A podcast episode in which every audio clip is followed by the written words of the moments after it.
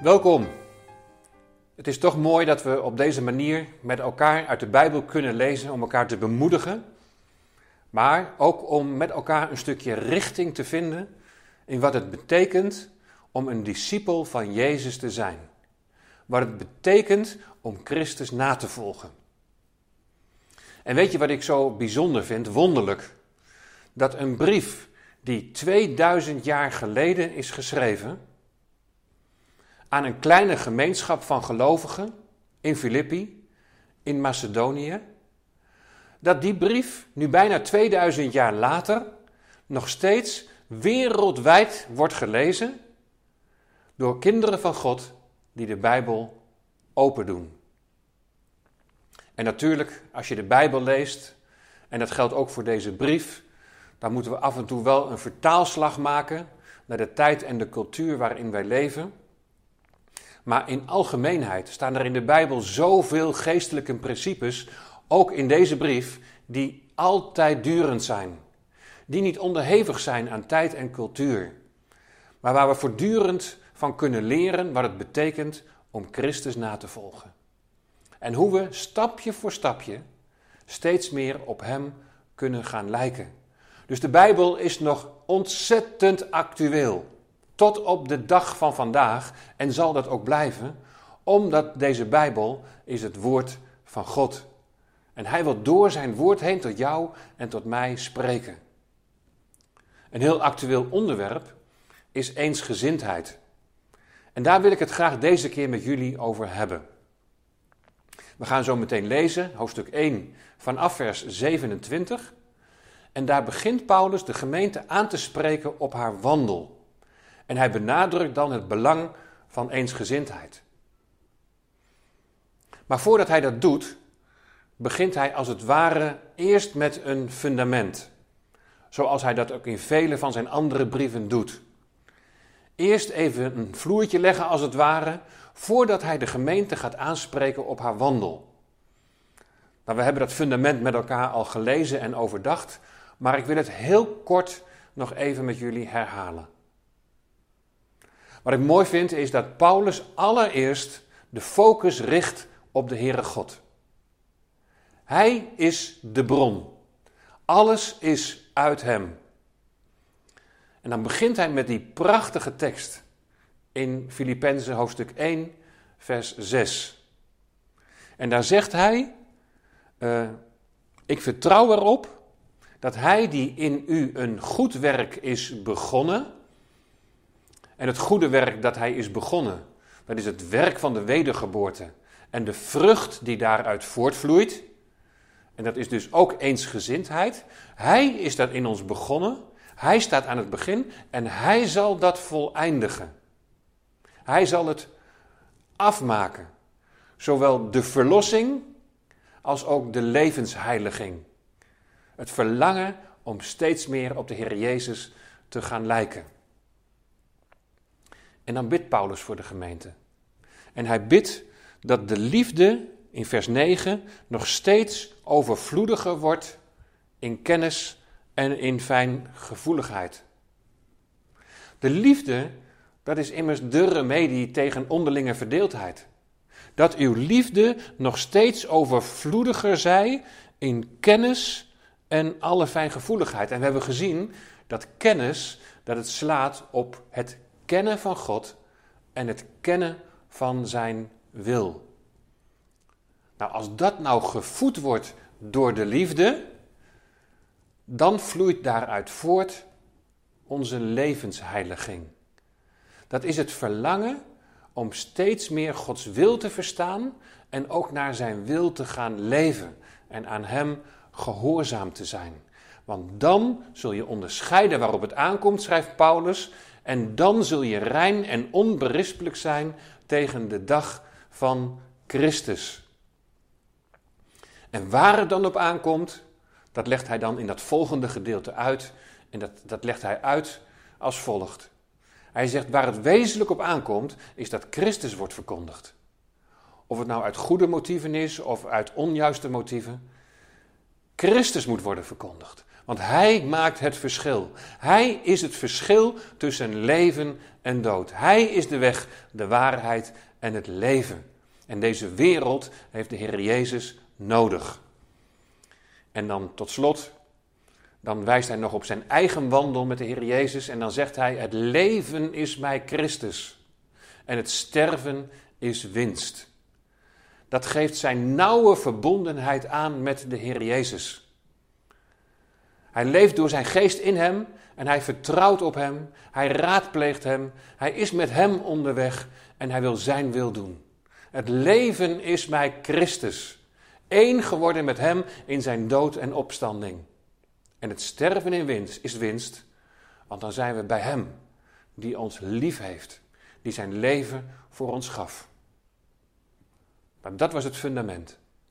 En dan gaan we vervolgens lezen vanaf hoofdstuk 1, vers 27. Filippenzen 1, vers 27.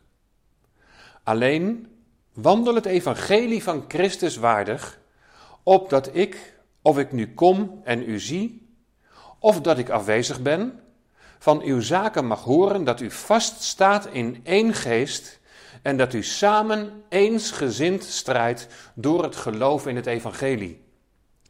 En dat u in geen enkel opzicht schrik laat aanjagen door de tegenstanders.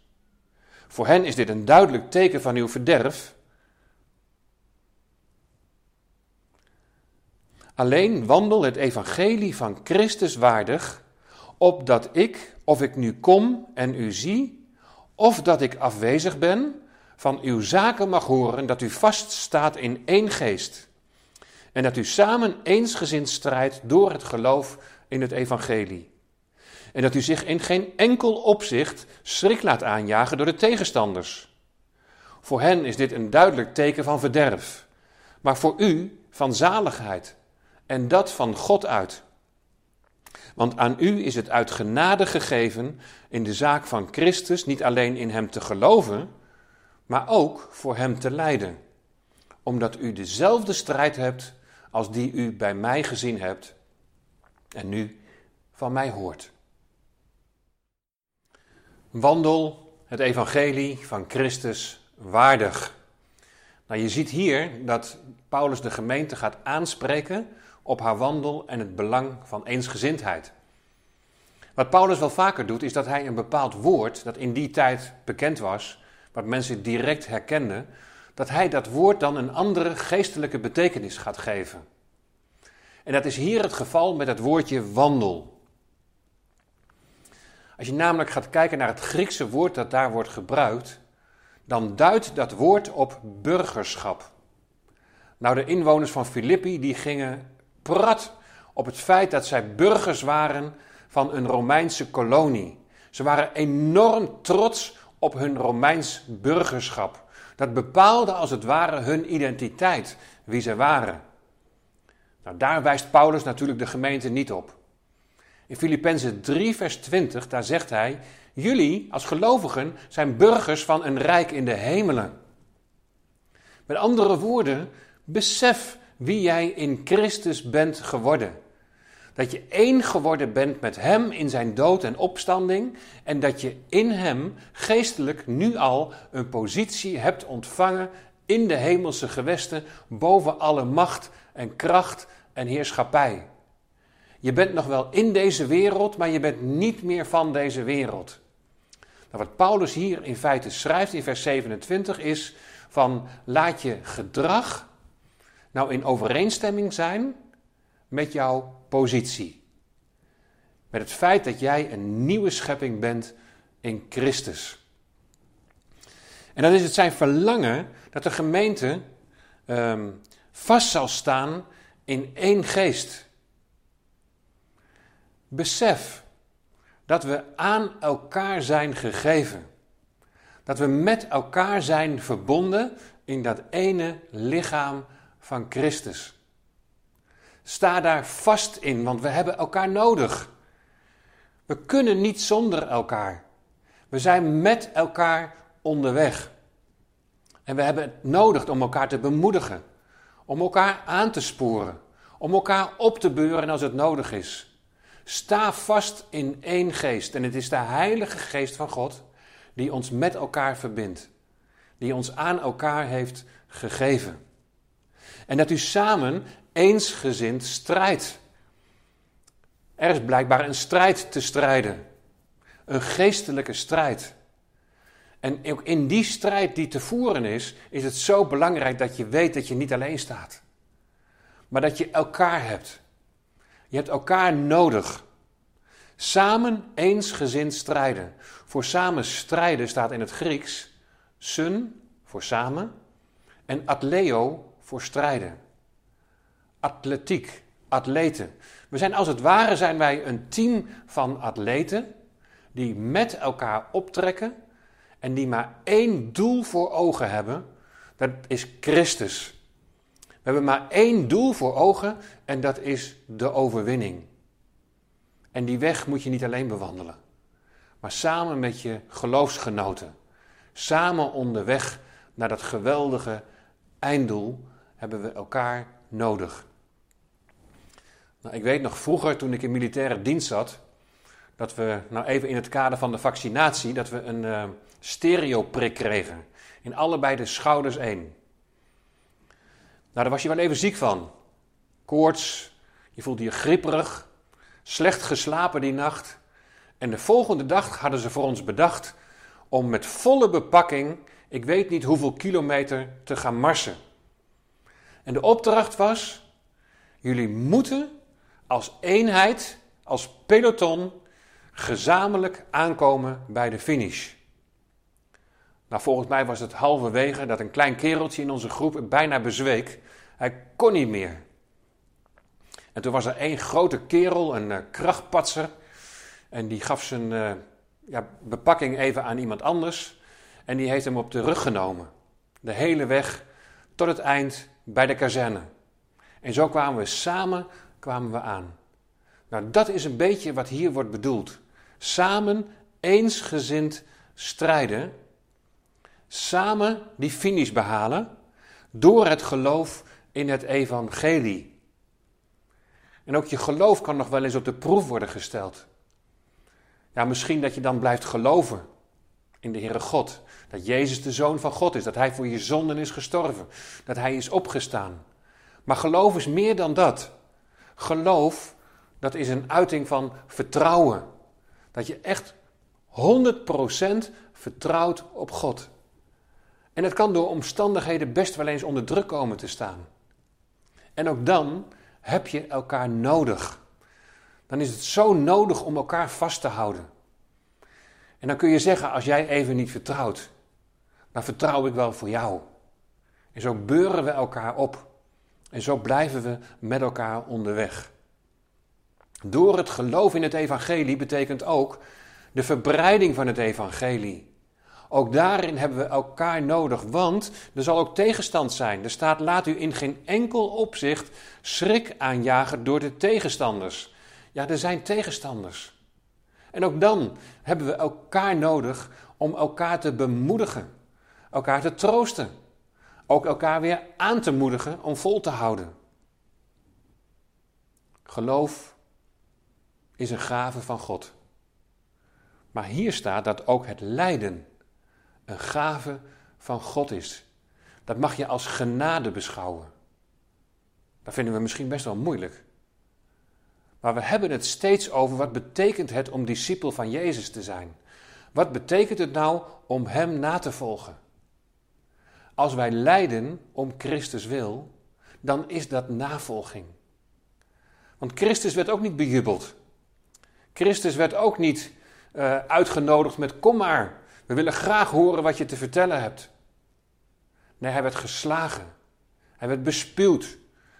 Hij werd uiteindelijk gegezeld en hij werd gekruisigd. Dus lijden is genade. Want het is het teken dat je Christus navolgt. Dan lezen we nu het tweede gedeelte. En dat is Filippenzen 2, vers 1 tot en met 4. En daar staat boven een oproep tot eensgezindheid en ootmoed. Als er dan enige bemoediging is in Christus, als er enige troost is van de liefde, als er enige gemeenschap is van de geest, als er enige innige gevoelens en ontfermingen zijn, maak dan mijn blijdschap volkomen doordat u eensgezind bent, dezelfde liefde hebt, één van ziel bent en één van gevoelen. Doe niets uit eigenbelang of eigendunk, maar laat in nederigheid de een de ander voortreffelijker achten dan zichzelf. Laat een ieder niet alleen oog hebben voor wat van hemzelf is, maar laat een ieder ook oog hebben voor wat van anderen is. Letterlijk staat in vers 1, aangezien er dan enige bemoediging is, aangezien er enige troost is, aangezien er enige gemeenschap is van de geest, aangezien er enige innige gevoelens en ontfermingen zijn, dus dat is allemaal aanwezig in een bepaalde mate. En dan zegt Paulus, als dat dan aanwezig is, vers 2, maak dan mijn blijdschap volkomen doordat u eens gezind bent, dezelfde liefde hebt, één van ziel bent en één van gevoelen. Paulus die benadrukt het belang van eensgezindheid. Dat was niet alleen belangrijk voor de gemeente toen in Filippi, maar is zeker ook belangrijk voor ons vandaag. Want verdeeldheid kan zomaar toeslaan. Verschillende meningen over maatregelen, verschillende meningen over vaccins. En je mag verschillende meningen hebben. Maar laten we dan even teruggaan naar hoofdstuk 1. En daar roept Paulus op om te groeien in liefde, opdat je ook kunt onderscheiden waarop het aankomt. En waar komt het dan op aan, zegt Paulus? Nou, het komt erop aan dat Christus wordt verkondigd.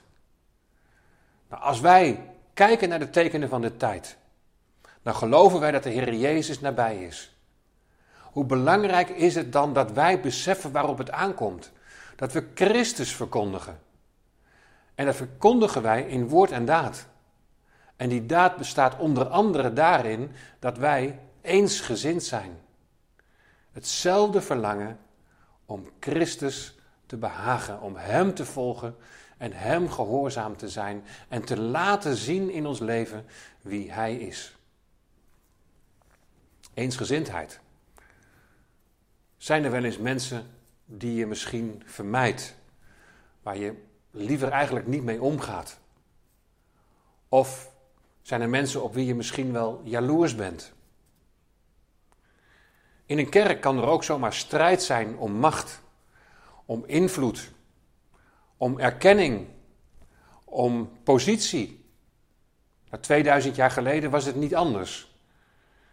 In Filippenzen 4, vers 2, daar roept Paulus Euodia en Sentigo op om eensgezind te zijn.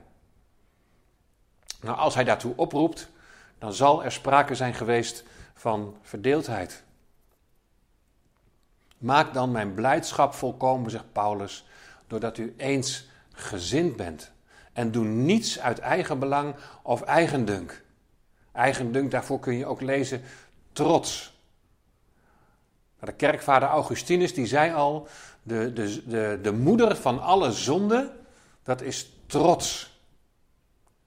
Trots, dan ga je je met anderen meten. Als er sprake is van trots in je leven, dan word je jaloers als je vrienden het goed gaat. Als je trots bent, dan vraag je niet om hulp. Want dat is een teken van zwakte. Trots, dat betekent zoeken naar erkenning. Zoeken naar applaus. En dan word je neerslachtig als dat niet gebeurt. En je gaat aan jezelf twijfelen. En dat is dan weer een excuus voor zelfmedelijden. Als je trots bent, dan verontschuldig je je niet voor je eigen fouten, maar dan geef je altijd anderen de schuld. Trots, het maakt zoveel kapot. En trots is het tegenovergestelde van nederigheid. En daartoe roept Paulus op. Doe niets uit eigen belang of eigen dunk, maar laat in nederigheid de een de ander voortreffelijker achten dan zichzelf. En laat een ieder niet alleen oog hebben voor wat van hemzelf is, maar laat een ieder ook oog hebben voor wat van anderen is. We willen graag weten wat het betekent om Christus na te volgen. Nou, we hebben hiervoor al gezien dat het onder andere betekent dat je zult lijden. Maar navolging van Christus betekent ook dat je nederig bent. Dat je je trots laat varen. Dat je niet uit bent op erkenning, maar dat je vaststaat in de erkenning die je hebt ontvangen in het zijn van een kind van God. Onze identiteit wordt niet bepaald door wat we doen of door wat we presteren, maar jouw identiteit wordt bepaald door wie jij bent in Hem die zijn leven voor jou gaf. Ons grote voorbeeld als het gaat om nederigheid is natuurlijk de Heer Jezus. En we gaan dan ook besluiten met een lofzang op Hem. Paulus die beschrijft dat in Filippenzen hoofdstuk 2 vanaf vers 5. En daar lezen we het volgende. Laat daarom die gezindheid in u zijn die ook in Christus Jezus was. Die hoewel hij in de gestalte van God was, het niet als roof beschouwd heeft aan God gelijk te zijn, maar zichzelf ontledigd heeft door de gestalte van een slaaf aan te nemen en aan de mensen gelijk te worden. En in gedaante als een mens bevonden, heeft hij zichzelf vernederd en is gehoorzaam geworden tot de dood, ja tot de kruisdood. Daarom heeft God hem ook bovenmate verhoogd en heeft hem een naam geschonken boven alle naam. Opdat in de naam van Jezus zich zou buigen elke knie van hen die in de hemel en die op de aarde zijn en die onder de aarde zijn. En elke tong zou beleiden dat Jezus Christus de Heer is, tot heerlijkheid van God de Vader. Hij kwam bij ons heel gewoon, de zoon van God als mensenzoon. Hij heeft zijn leven afgelegd. Als je dit leest, ik weet niet hoe het met jullie is, maar dan raak ik zo diep onder de indruk. En als we het dan hebben over een discipel van Jezus zijn en hem navolgen, dan worden wij geroepen om hem ook hierin na te volgen. Hij die bereid was om de heerlijkheid en de volmaaktheid bij zijn vader te laten, om naar deze aarde te komen, slaaf te worden om te dienen en aan mensen gelijk te worden. En hij heeft zichzelf vernederd. Ja, vernederd tot de dood aan het kruis. Hij is tot in de dood is hij gehoorzaam geweest aan zijn vader. En wij worden geroepen om hem hierin na te volgen. Onmogelijk toch, zou je zeggen. Even weer terug. Hij die in u een goed werk is begonnen. Hij is dat verlangen naar gelijkvormigheid aan de zoon, is hij in ons begonnen, heeft hij in ons gelegd. En hij wil het voleindigen. Hij wil dat proces aangaan in jou en in mijn leven. Dat wij leren wat nederigheid is. Dat wij leren om de ander uit, uitnemender te achten dan onszelf. Dat we ook daarin op de Heer Jezus zullen gaan gelijken. Hij kwam bij ons heel gewoon. En dan zingen we, wij willen worden als Hij. Elkanders lasten dragen wij. Wie is er nederig en klein? Die zal bij ons de grootste zijn. Zijn voorbeeld roept om te dienen iedere dag, gedragen door Zijn liefde en kracht. En zo ga ik weer afscheid van jullie nemen. En moedig ik jullie aan om Christus na te volgen. En weet dat Hij jou draagt door Zijn liefde en door Zijn kracht. Hij laat niet los wat in Hij in jou is begonnen. Hij zal het afmaken. Hij zal het voltooien. God zegen.